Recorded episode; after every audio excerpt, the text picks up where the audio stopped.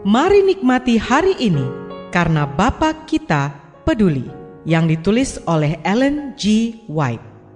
Melalui renungan pagi ini, kita akan menelusuri tentang karakter Bapa dan kasih Allah yang melimpah. Bersama Pendeta Andre Daimbani, selamat mendengarkan.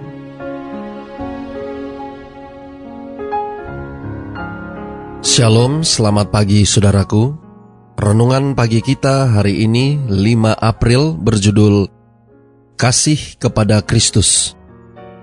Ayat intinya diambil dari Ibrani 7 ayat 26. Demikian firman Tuhan.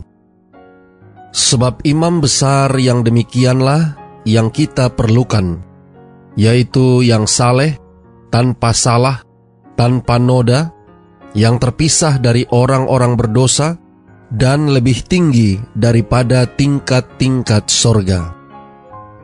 Mari kita dengarkan penjelasannya. Karakter Kristus adalah kesempurnaan yang tak ada bandingannya, mencakup segala sesuatu yang murni, benar, indah, dan hasil yang baik.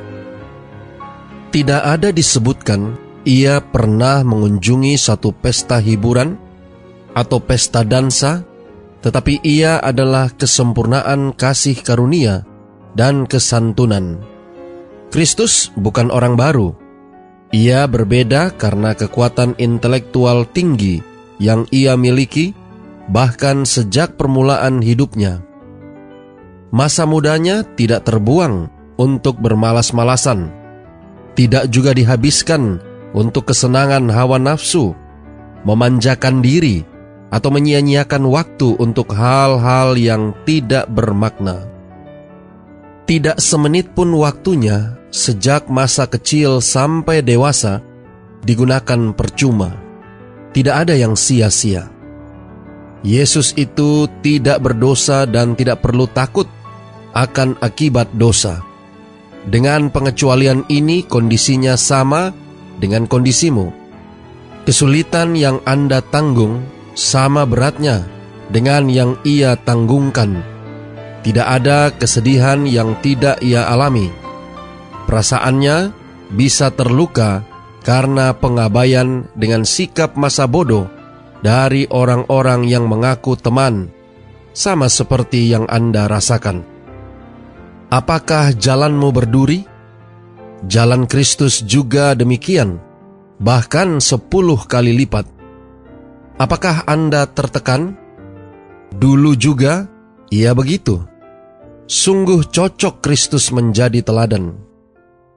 Catatan ilham berkata mengenai dia, dan Yesus makin bertambah besar dan bertambah hikmatnya dan besarnya, dan makin dikasihi oleh Allah dan manusia.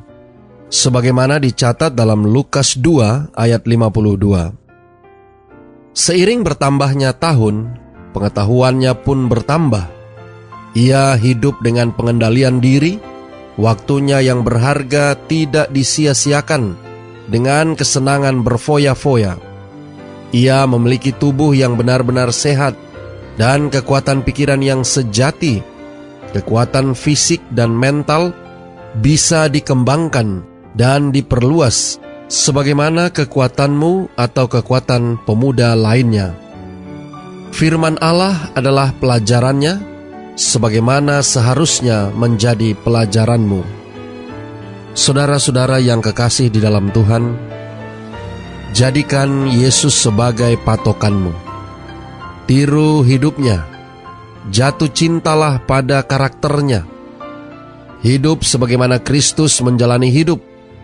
Suatu mata air baru akan diberikan kepada kemampuan intelektualmu cakupan luas pada pemikiranmu, bila mana Anda gunakan kekuatanmu untuk hal-hal kekal yang pada hakikatnya adalah agung dan besar. Doa kita hari ini. Bapa terima kasih melalui renungan pagi ini. Kami boleh belajar bagaimana kami diajarkan untuk memiliki kasih kepada Kristus. Terima kasih melalui renungan pagi ini kami diingatkan bahwa imam besar yang kami miliki adalah imam besar yang kami butuhkan, yang hidup tanpa salah, tanpa noda, saleh, dan terpisah dari orang-orang berdosa, dan lebih tinggi daripada tingkat-tingkat sorga. Tolong kami hari ini Bapa, biarlah dengan pertolongan kuasa roh kudusmu, kami boleh senantiasa mengarahkan pandangan kami, pikiran kami dan bergantung sepenuhnya kepada imam besar yang agung, yaitu Yesus Kristus. Terima kasih Bapa. Inilah doa dan permohonan kami kepadamu. Di dalam nama Yesus kami berdoa. Amin. Selamat beraktivitas. Tuhan memberkati.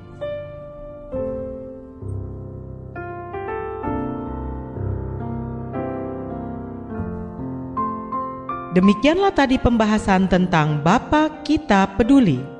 Semoga firman Tuhan hari ini dapat menjadi berkat bagi Anda.